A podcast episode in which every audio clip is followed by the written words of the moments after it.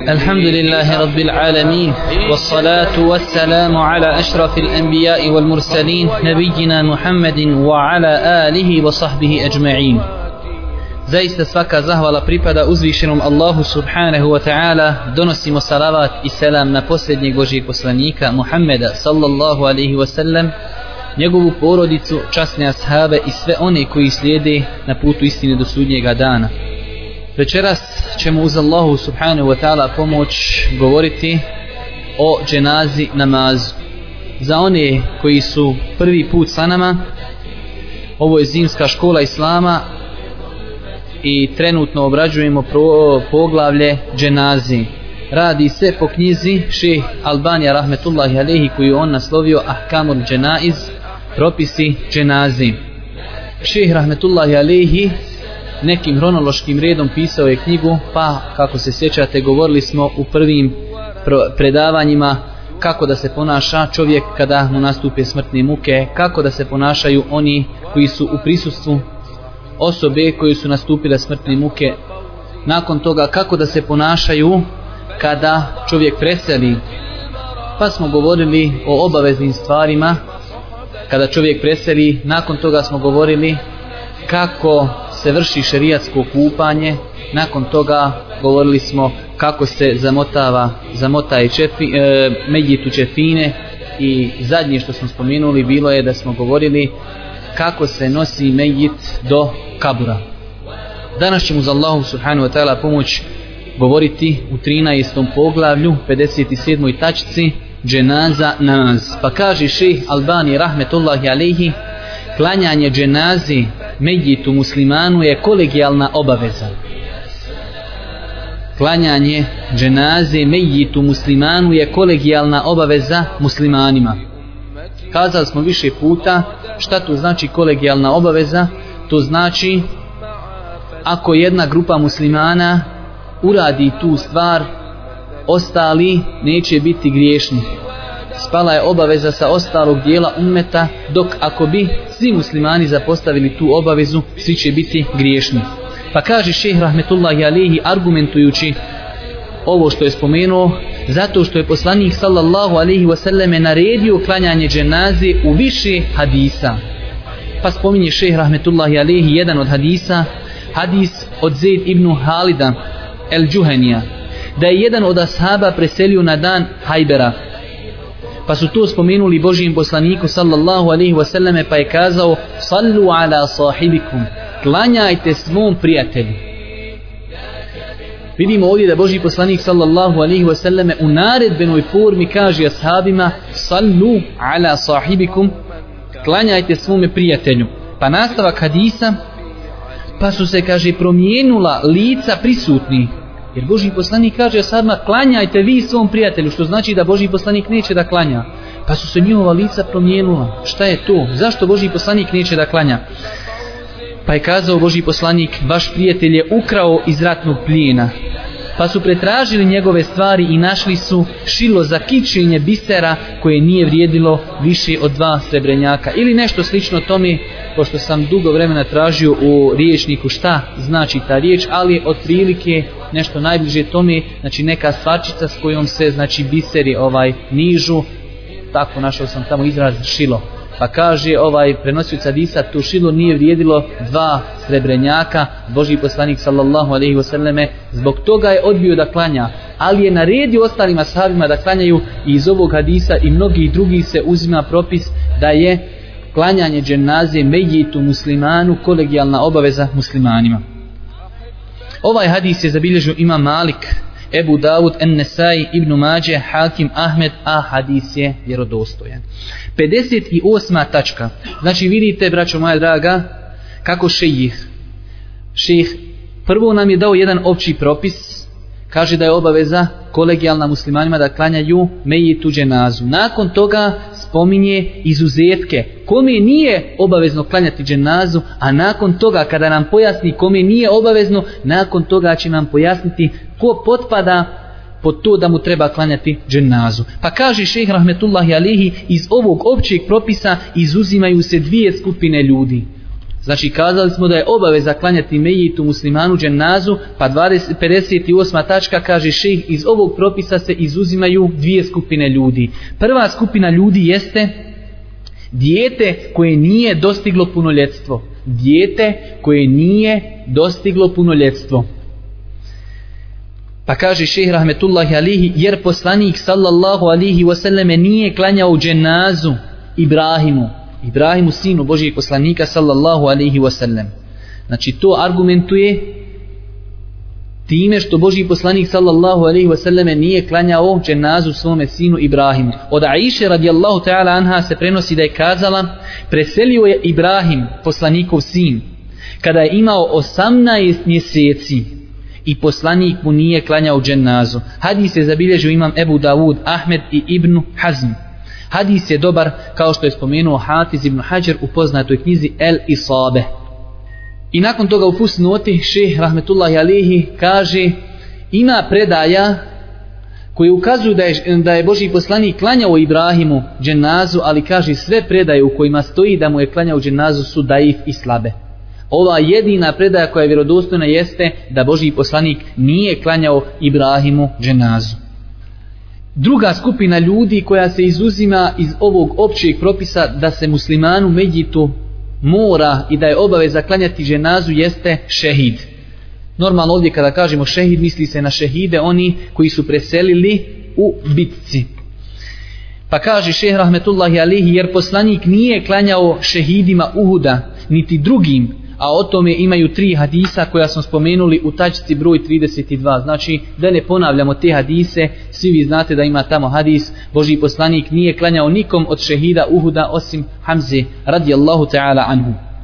S tim što kaže šehr Rahmetullahi alihi, bitno je da shvatimo ovdje jednu stvar, a to je ove osobe, dvije koje su izuzete, šehid i maloljetno dijete, njima nije insan obavezan klanjati, ali je propisano da im se klanja. Samo ovdje govorimo da li je obaveza. A vidjet ćete šehr Rahmetullah Jalihi će spomenuti da je propisano, znači lijepo je klanjati ovim skupinama ljudi dženazu, ali nije obaveza. Govorimo samo o obavezi. Zato kaže šehr Rahmetullah Jalihi 59. tačka propisano je klanjati dženazu sljedećim osobama. Sada nam šehr govori kome je propisano klanjati dženazu.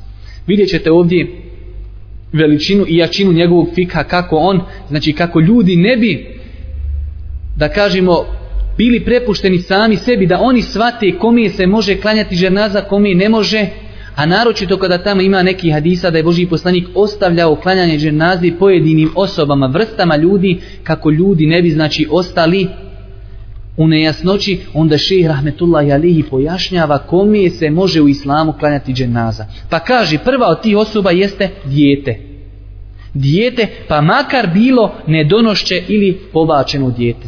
Znači prvu, prva osoba koju je dozvoljeno i može se klanjati dženaza jeste dijete, pa makar bilo i nedonošće. Šta znači nedonošće? To dijete koje žena pobaci, znači ovaj prije nego što bude vrijeme da se rodi. Na primjer, žena u petom ili šestom mjesecu ima spontani i ovaj pobaci to dijete. Tom djetu se klanja dženaza. O tome će šehr Rahmetullah Jalih govoriti malo ovaj više. Kaže šehr Rahmetullah Jalihi, o tom je govori dva hadisa. Jedan od tih hadisa jeste gdje kaže Boži poslanik dijetu, a u jednom rivajetu nedonošćetu se klanja a dova se upućuje njegovim roditeljima. Znači klanja se dženaza namaz.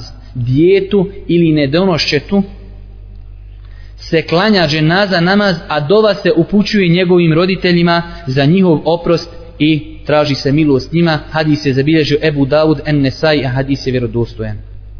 Također, drugi hadis koji ukazuje na to jeste od Aiši radijallahu ta'ala anha gdje kaže donešeno je dijete Božijim poslaniku pa mu je klanjao pa je kazala Aisha blagoli se njemu dženecka ptičica.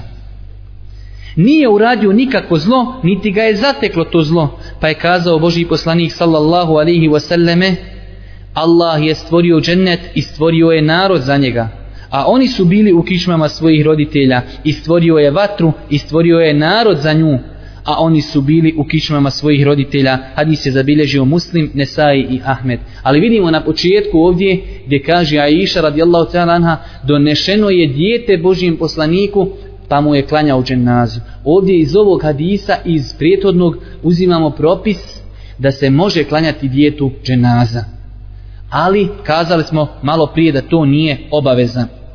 Kaže šeh rahmetullahi alihi kako ovdje opet ne bi ostalo nejasnoća kojoj djeci, naročito djeci koja su znači da kažemo umrla prije nego što su rođena, gdje je ta granica, jel se svoj djeci klanja, pa makar na primjer žena pobacila nakon mjesec dana trudnoći, da li se i tome klanja ili ima neka granica? Pa onda šeh Rahmetullah alihi pojašnjava tu nejasnoću i vjerujte da je ovo veoma bitna stvar. Naročito nakon što mi živimo u ovom vremenu kada je postalo normalno činjenje abortusa i tako sličnih tih stvari, daleko od toga da to opravdavam, ali čovjek musliman treba da poznaje propise koji se vežu za tu tematiku. Pa kaže šehr Rahmetullahi Alihi, očito je da se ne tu klanja ako je bilo oživjelo.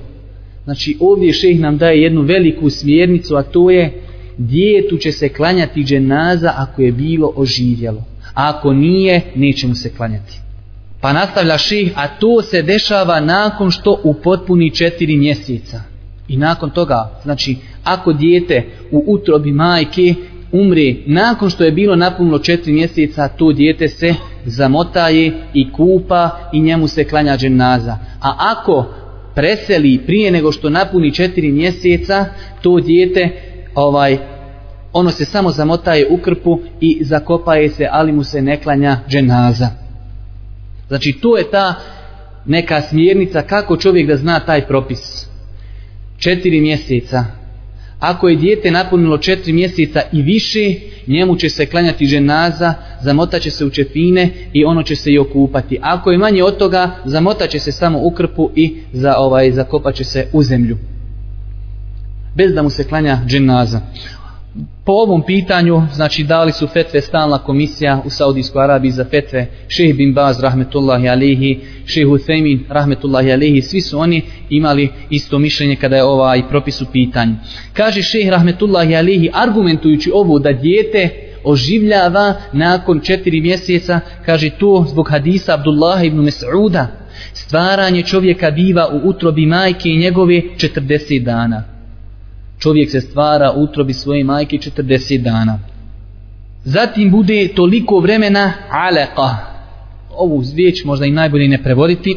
znači 80 dana tada bude aleka. Zatim bude toliko isto vremena kao komad mesa el mudga. Još 40 dana. To je 120 dana, a to je četiri mjeseca. Pa kaže Boži poslanik, zatim se pošalje melek, pa mu se udahne duša i naredi se tom meleku da zapiše četiri stvari, četiri odredbe na faku, smrt, njegova dijela i da li će biti sretan ili nesretan, hadis se zabilježio imam Buharija i Muslim od Abdullah ibn Mes'uda.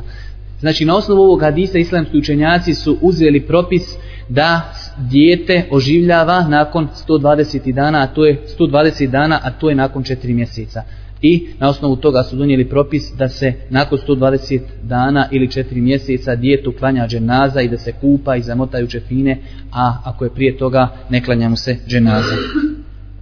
Druga skupina koju je dozvoljeno klanjati dženazu, znači ovo sve smo govorili o prvoj skupini koju se može klanjati dženaza, ovo je druga skupina, jesu šehidi.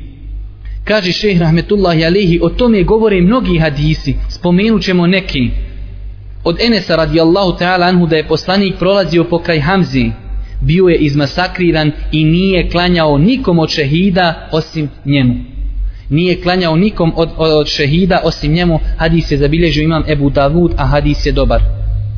Znači ovdje šeh malo u fusnoti pojašnjava da ova stvar ukazuje da nije obaveza klanjati dženazu šehidima, ali da je to propisano kako bi se spojili svi hadisi i rad po svim hadisima. Jer ako bi kazali propisano je klanjati svim šehidima, šta bi sa onim hadisima gdje stoji da Boži poslanik nije klanjao drugim šehidima? Ako bi kazali ne treba im se nikako klanjati, kako odgovoriti na ove hadise gdje se kaže da je Boži poslanik klanjao Hamzi? Onda se spaja između tih hadisa i kazali smo da postoji jedno veliko pravilo u šerijetu gdje se kaže el i'malu eula min el ihmal. Preče je raditi po svim argumentima nego zapostavljati jedne a raditi po jednima. A ovako kada spojimo ove hadise onda je rad po svima. Pa kažemo šehidu nije obavezno klanjati dženazu ali ako bi se klanjalo ispravno je. Također treća vrsta ljudi kojima je propisano i može im se klanjati dženaza jeste ko bude ubijen s provođenjem šerijatskih kazni. Ko bude ubijen s provođenjem šerijatskih kazni. Zbog hadisa Imrana ibn Husajna, poslušajte ovaj hadis zaista hadis vrijedan da se kod njega čovjek zaustavi i da se nad njim zamisli ali zbog toga što su ovo fikska predavanja mi nećemo moći govoriti o tim odgojnim momentima ovog hadisa ali dovoljno je inšala da ga pažljivo poslušate. Hadis od Imrana ibn Husajna došla je žena iz plemena Džuhajne. Bila je trudna ali trudna je bila od bluda. Počinila je zinaluk. Pa je kazala o Boži poslaniće ja sam počinila grije pa izvršite Allahov propis. Pa izvršite Allahov propis poslušaj to, kaže pa je pozvao Božji poslanik njenog staratelja i kazao mu lijepo se ponašajte prema njoj. Kada rodi dođite s njom. Zamislite to. Koji je to moral i koji je to ahlak i koji je to velikan? Žena počinila blud i trudna od toga. Ali kaže Boži poslanik zovno njenog staratelja pa kaže idite sa njom kući ali se lijepo prema njoj ponašajte pa kada rodi kaže dođite sa njom. Pa su tako i uradili pa su doveli je. Pa je Boži poslanik sallallahu alihi wasallam naredio da se sveže njena odjeća pa je naredio da je kamenu, kamenuju. Zatim ju je Boži poslanik klanjao dženazu, pa je kazao Omer, o Boži poslaniće, ti joj klanjaš, a počinila je zinaluk. Kaže Boži poslanik, ona je, ona je se pokajala pokajanjem koje kada bi se podijelilo na 70 stanovnika Medine, bilo bi im dovoljno.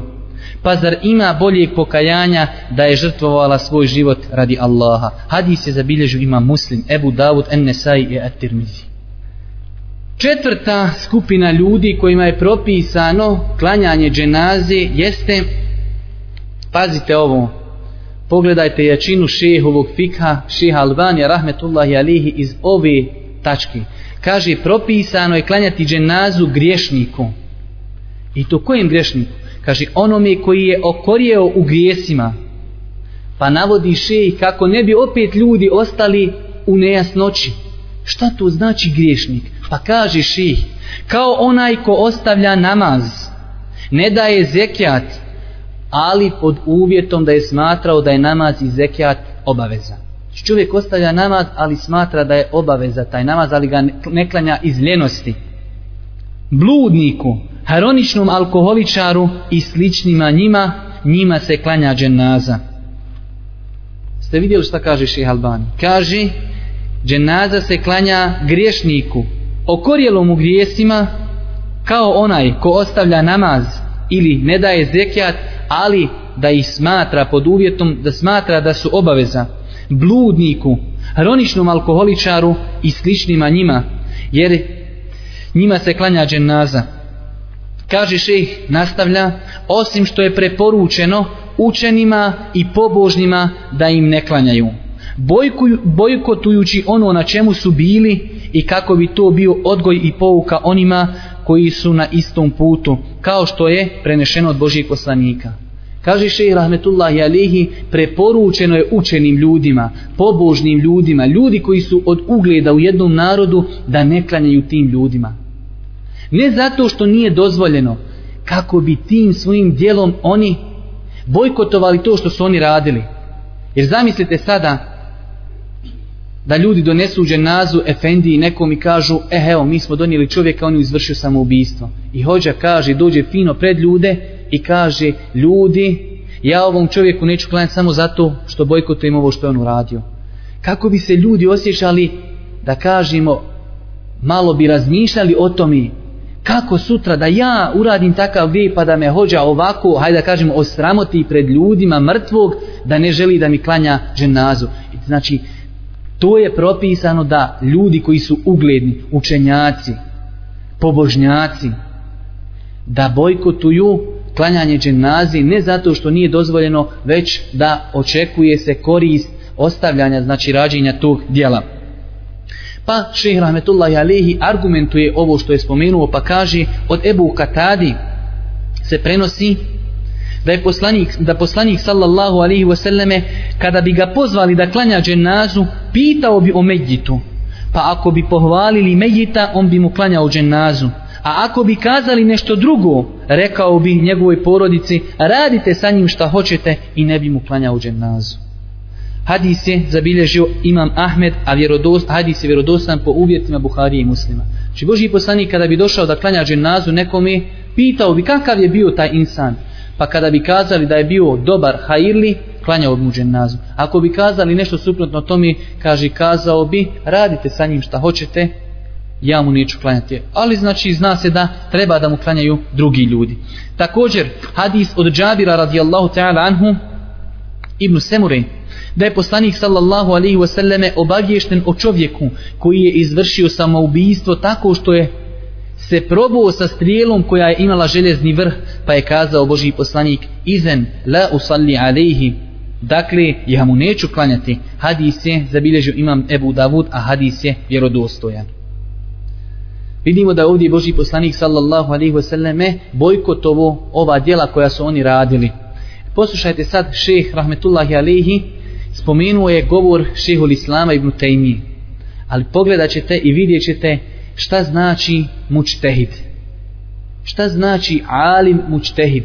Kako mučtehidi razmišljaju šta je cilj određenih šerijatskih propisa i nakon toga donosi fetve. Mi tamo kada smo učili na fakultetu propise vezane za ištihad i mučtehide, pa se tamo navodi da muštehid čovjek koji treba da bude muštehid kaže potrebno je da poznaje ciljeve šerijata kako bi mogao donijeti sutra pita, znači fetve kada dođe neka, neko pitanje za koje nemaju jasni argumenti tada muštehid mora pozni, poznavati cilje, ciljeve šerijata kako bi znao dati fetvu koja je inša Allah u skladu sa islamom. Pogledajte sada govor šehul islama ibn Taymije pa kaže šehul islam rahmetullahi alihi ko ostavi namazu, namaz nekom od njih pa pojašnjava komi samo ubici ili onome koji je ukrao iz ratnog plijena ili dužniku koji nije ostavio ono čime će se vratiti dug bojkotujući urađeno djelo i da to bude odgoj drugima dobro bi postupio. Znači šehr rahmetullahi alihi šehuli islam i rutejmije kaže ako bi čovjek ostavio klanjanje dženazi osobama koje su uradile neki veliki grijeh pa navodi samo ubijstvo, krađa ratno, iz ratnog plina ili čovjek koji je preselio a nije ostavio dovoljno imetka da se vrati njegovi dugovi kaže šehr rahmetullahi alihi dobro bi čovjek postupio. Ali poslušajte dalji dio govora pa kaže a ako bi ostavio namaz javno, a dovio za njega tajno, kako bi spojio među dvije, između dvije koristi, to je preći nego ispuštanje jedni. Kaže, ako bi tom čovjeku on ostavio namaz, samo kako bi javno dokazao ljudima da bojkotuje to djelo, ali kaže tajno da dovi za njega. Jer šta je cilj dženazi namaza? Da uputiš dovu za medjita. Zato šehul islam dokućuje šta je cilj toga pa kaže kako bi čovjek spojio ta dva cilja i da bojkotuješ to djelo a iz druge strane da mu pomogneš da uputiš dovu, dovu za njega kaže tajno ćeš za njega učiniti dovu kako bi spojio između te dvije koristi. Hem si bojkotovo to njegovo djelo a i uputio si dovu Allahu Đelešanu za njega i kaže to je preči nego da učiniš samo jednu korist. Jedna korist je ili da kažeš ja ću mu klanjati dženazu da uputim dovu, ali nisi bojkotovo njegovo djelo. Ili ćeš odbi da klanjaš dženazu, pa nećeš uputiti dovu. Već on kaže, bojkotuj namaz, kako bi bojkotovo to djelo, ali ćeš tajno uputiti za njega dovu Allahu Đelešanu. Kako vidimo kako šehol Islam, rahmetullahi alihi, imao je, znači, jak fik. Peta stvar i peta vrsta ljudi kojima je dozvoljeno klanjati dženazu jeste osoba koja umri kao dužnik, a nije ostavio dovoljno imetka da bi se vratili njegovi dugovi. Osoba koja umri kao dužnik, a nije ostavio dovoljno imetka da bi se vratili njegovi dugovi. Njemu će se klanjati dženaza. Poslanik sallallahu alaihi wasallame je odbijao da klanja takvima u početku Islama.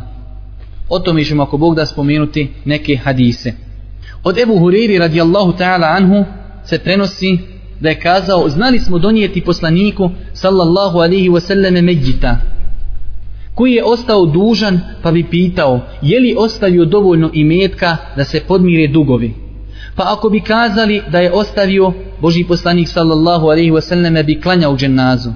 A ako ne bi ostavio kazao bi klanjajte svome prijatelju znači ovo je u početku islama bilo Boži poslanik sallallahu alaihi wasallam kada bi mu donijeli dženazu kazao bi je li ostao dužan pa ako kažu jest pitao bi je li ostavio dovoljno imetka da se vrate njegovi dugovi. Pa ako bi kazali nije ostavio Boži poslanik bi kazao sallu ala sahibikum klanjajte svome prijatelju ako bi kazali da je ostavio dovoljno imetka on bi mu klanjao. Pa kada je Allah podario muslimanima imetak, znači kada su muslimani počeli osvajati, kazao je poslanik, ja sam preči vjernicima od njih sami, na dunjaluku i ahiretu, pa ko umrije kao dužnik, a nije ostavio imetak, da se podmire njegovi dugovi, ja ću vratiti njegove dugove. a ko ostavi nešto od imetka, to je njegovim nasljednicima. Hadis je zabilježio Buharija Muslim, Nesai, Ibnu Mađe i Ahmed. Znači nakon što je Allah Đerlešanu otvorio muslimanima pobjede, Boži poslanik je preuzeo na sebe vraćanje dugova onih ljudi koji su preselili, a nisu mogli vratiti te dugove. Sedma vrsta ljudi kojima je propisano klanjanje dženaze jeste osobe koje umru u mjestu u kojem nema ko da im klanja dženazu. Da klanja namaz prisutnog. Njemu se klama, klanja namaz u odsustvu jer je Boži poslanik sallallahu alihi wasallame klanjao neđašiji. Znači, da rezimiramo ono što je spomenuo ših u ovoj sedmoj kategoriji, on kaže osoba koja preseli u mjestu gdje nema muslimana da mu klanjaju dženazu, u tom momentu kada je preselio, takvoj osobi će se klanjati namaz u odsustvu. Zato što je Boži poslanik sallallahu alaihi wasallam klanjao neđaši.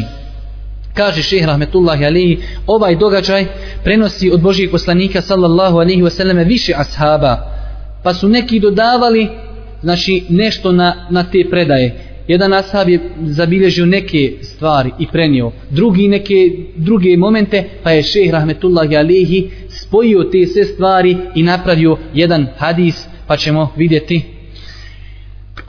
taj rivajet koji spominje šeh rahmetullahi alihi kaže poslanik sallallahu alihi wasallam je prenio vijest o smrti Neđaši dok je bio u Medini. Znači dok je bio Boži poslanik sallallahu alihi wasallam u Medini. U danu kada je preselio rekao je Boži poslanik vaš brat je preselio a u jednom rivajetu danas je umro dobri Allahov rob izvan vaše zemlje i izvan vaše teritorije, teritorije. Ustanite da mu klanjamo. Pa su rekli a ko je on? Pa je kazao Boži poslanik en neđaši.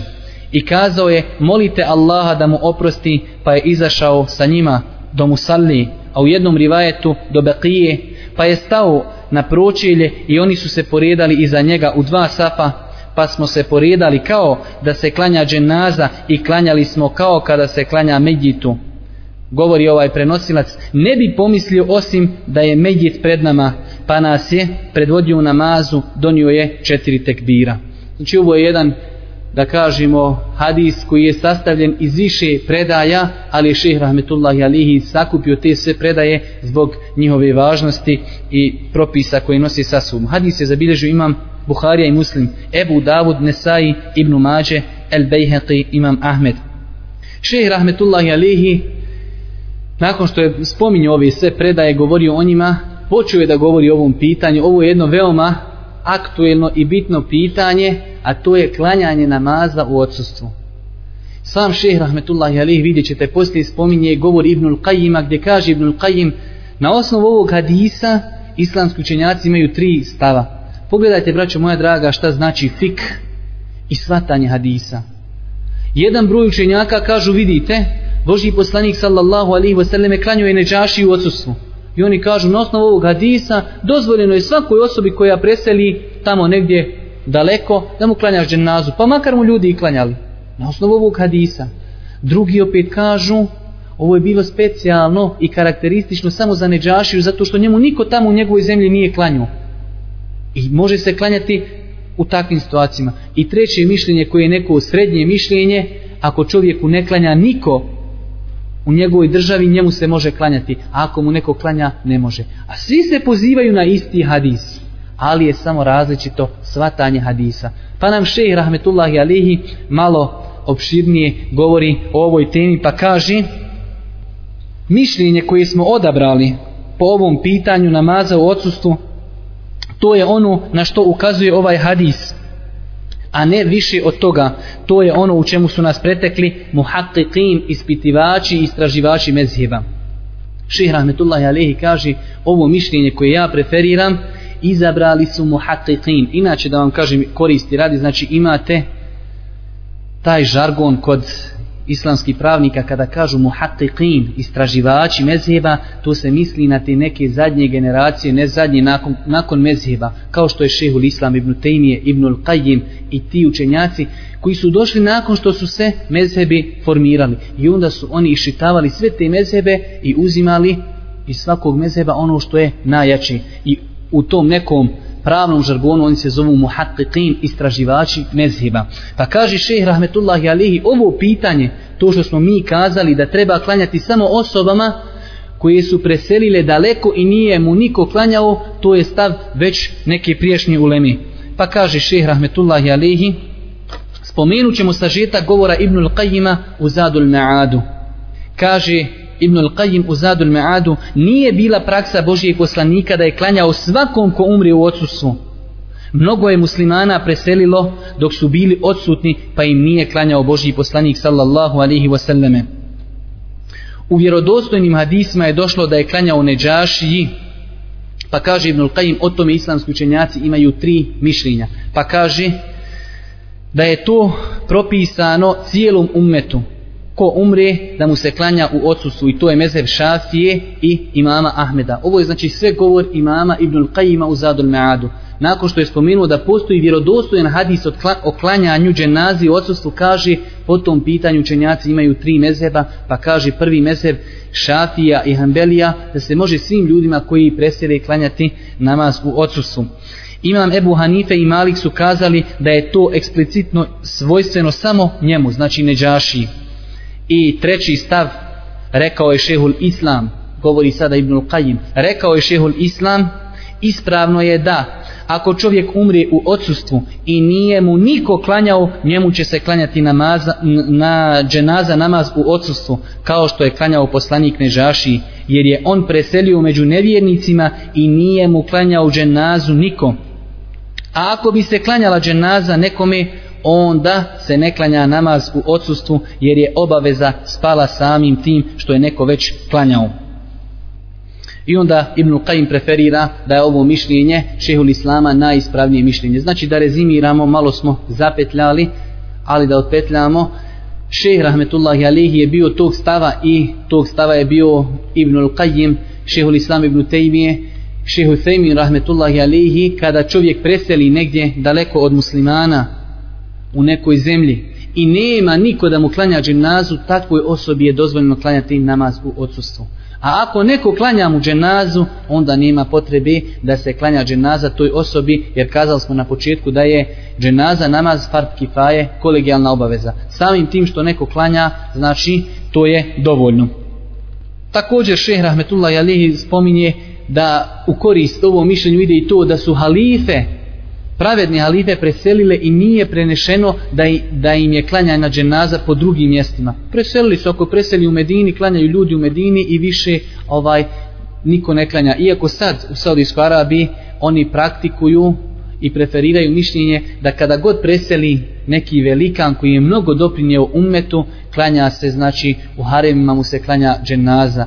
Pa na primjer, ako preseli u, šta ja znam, u Jordanu neki veliki učenjak na, kao na primjer Šeha Albani rahmetullahi ali ili neko drugi onda mu oni klanjaju dženazu ili ako preseli njihov neki muftija ili tako neko ko je doprinio mnogo za islam oni ovaj to poredi sa tim što je Boži poslanik klanjao Neđaši rahmetullahi alihi ovaj ili radijallahu ta'ala anhu. Kao što je njemu klanjao dženazu zbog toga što je on bio velikan i što je potpomogao mnogo muslimane, tako i oni su uzijeli kao ovaj da je to razlog klanjanja te dženaze u odsustvu. Ali šeh Rahmetullah Alihi Albani nije smatrao to mišljanje ispravnim, već je smatrao da se klanja namaz u odsustvu samo osobama kojima niko nije klanjao dženazu.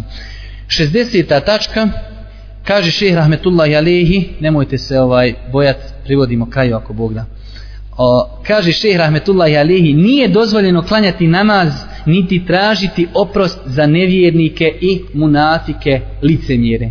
Nije dozvoljeno klanjati namaz dženazu niti tražiti oprosta za nevjernike i munafike licemjere. Zbog riječi uzvišenog Allaha nijednom od njih kada umre nemoj molitvu obaviti niti sahrani njegovoj prisustovati jer oni u Allaha i njegova poslanika ne vjeruju i kao nevjernici oni umiru. Poznato je ovaj ajet iz suri Teube zašto je objavljen? Kada je preselio vođa munafika ja sam to bio pripremio da pročitamo iz knjige ali kada je preselio vođa munafika u Medini Boži poslanik sallallahu alaihi wasallam došao je i htio da klanja dženazu. Pa ga je Omer uzeo i kaže Boži poslaniće, zar ne znaš da ti Allah Đelešanu zabranio da klanjaš njima dženazu? Ima tamo jedan ajet u suri Eteuba isto, istagfir lehum, au la te stagfir lehum. Tražio ti njima oprost ili ne tražio ti njima oprost, kaže pa makar im tražio oprost 70 puta, Allah im neće oprostiti. Pa kaže Boži poslanik Omeru, Omere, meni Allah dao na izabir.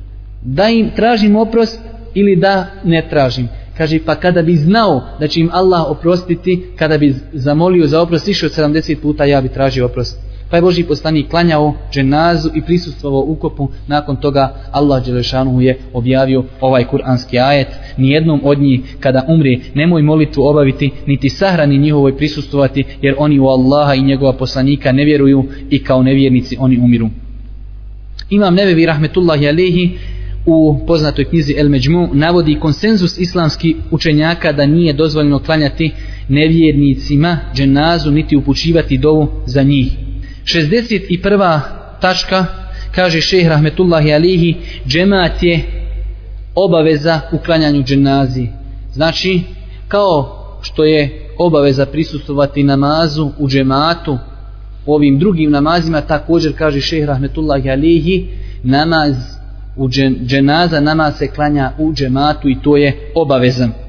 Pa kaže šeh Rahmetullahi Alehi, na to ukazuju dva argumenta. Prvo, to je bila neprestana praksa Božijeg poslanika sallallahu alaihi wasallame i druga, drugi argument gdje kaže Božiji poslanik, klanjajte onako kako ste mene vidjeli da klanjam. Također kaže, ako bi ljudi klanjali pojedinačno, njihova dženaza je ispravna, ali su griješni što su propustili da klanjaju u, džen, u džematu. 62. tačka, najmanje što je spomenuto, prenešeno u postizanju džemata je da klanjaju tri osobe. Znači, prvo šeh rezimira i kaže treba da se klanja u džematu. Pa onda pojašnjava to, to kako ne bi ljudima ostala nejasnoća koliko minimalno treba da bude ljudi za džemat pa kaže minimalno što je prenešeno za dženazu namaz jeste da prisustvuju tri čovjeka. Zbog hadisa Abdullaha ibn Ebi Talhi da je Tarha pozvao poslanika sallallahu alaihi wasallame kada je preselio Umeir ibn Ebi Talha pa je došao poslanik i klanjao u njegovoj kući pa je stao u pročelje poslanik sallallahu alihi wasallame za njega je stao Ebu Talha a Umu Sulejm je stala iza Ebu Talhe i nije bilo nikog više osim njih. Boži poslanik je stao kao imam iza njega je stao Ebu Talha a iza njega je stala njegova žena. Hadis je zabilježio imam Hakim e, e, i, i, i El Bejheqi, a hadis je vjerodostoje. 63. tačka, lijepa i interesantna stvar da se nauči, kaže šeheh Rahmetullahi Alihi, što je više klanjača na dženazi, to je bolje i korisnije za medjita.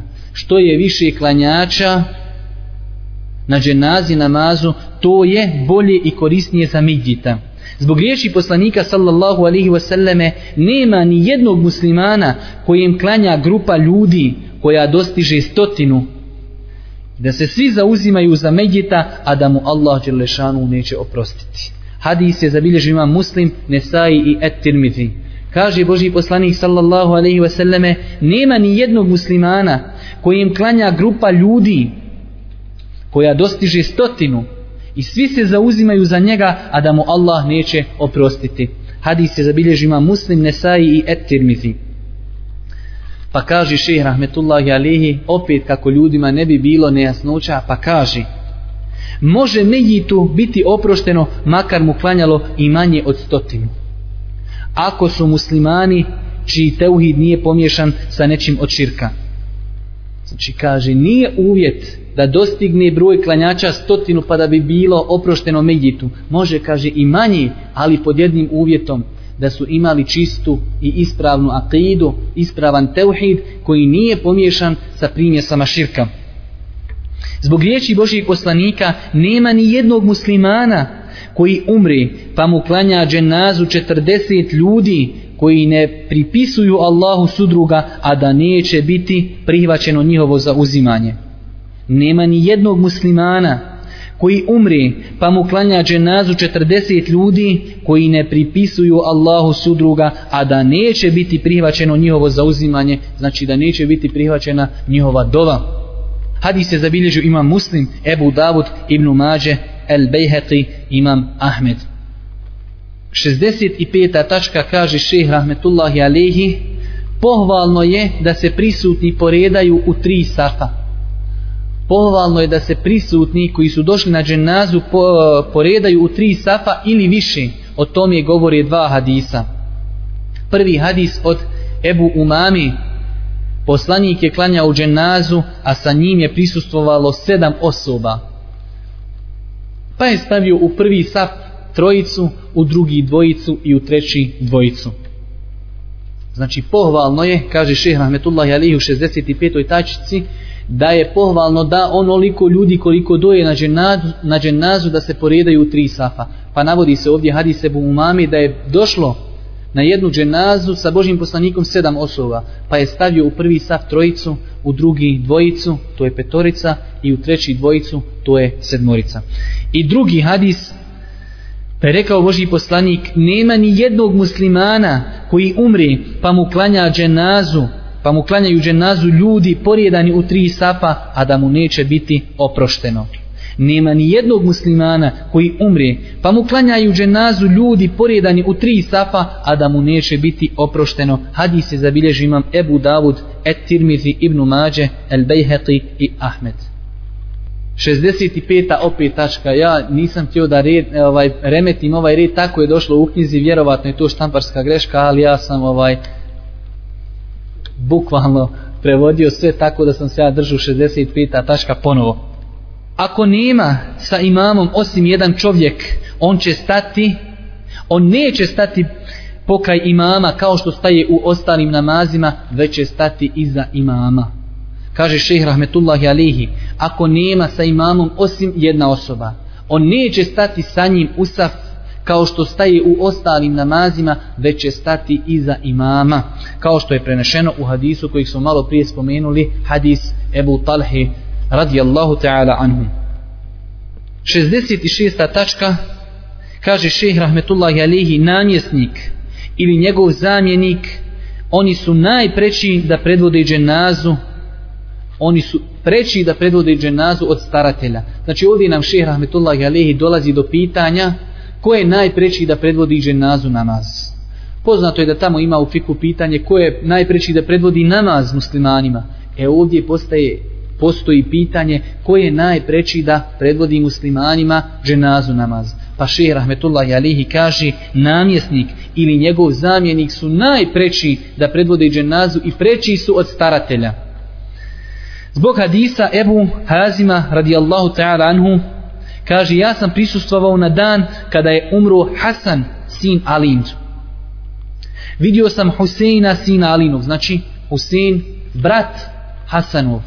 Vidio sam ga kaže kako gura Sa'ida ibn El Asa gurajući ga u vrat i govoreći ti klanjaj da to nije sunnet ne bi ti dao prednost znači Hasan kada je preselio sin Alin radijallahu ta'ala anhu Husein je došao u Medinu i govorio namjesniku Medine Sa'idu ibn El Asu gurajući ga u vrat govorio mu je idi i ti nas predvodi u namazu u dženazi jer kaže da tu nije sunnet ja ti ne bi dao prednost. Znači ja bi obavio namaz ali je sunnet da namjesnik predvodi dženazu namaz pa stoji znači u predaji od ovog prenosioca a kaže Sa'id je tada bio namjesnik Medine da ovaj ne bi bila ta nejasnoća zašto je Husein dao prednost ovaj Sa'idu pa je on pojasnio znači u zagradi kaže a Sa'id je u tom vremenu bio namjesnik Medini hadis je zabilježio Imam Hakim i El Bejheqi. Normalno ovdje se postavlja drugo pitanje i tim se otprilike i završava ovo večerašnje naše druženje, a to je šta će se desiti ako nema namjesnika ili njegovog zamjenika, pa kaže šehr Rahmetullahi Alihi, ako ne prisustvuje nama, e, namazu, dženazi, namjesnik, niti njegov zamjenik, najpreći da predvodi ljude na dženazije onaj koji najbolje zna Allahovu knjigu, znači na, zna najviše Allahove knjige, a zatim po redoslijedu kojim je spomenuo kojeg je spomenuo Boži poslanik sallallahu alihi wasallam. Ovo je govor šeha rahmetullahi alihi kaže kada ne prisustuje dženazi namazu namjesnik niti njegov zamjenik onda je najpreći da predvodi ljude u namazu onaj ko zna najviše Kur'ana. A ako kaže postoji dvojica ljudi koji znaju isto Kur'ana, onda po redoslijedu kojeg je spomenuo Boži poslanik, pa ćemo spomenuti taj redoslijed, odnosno to je spomenuo Ših Rahmetullahi Alihi, da je Boži poslanik kazao, ljude, ljude će predvoditi onaj ko zna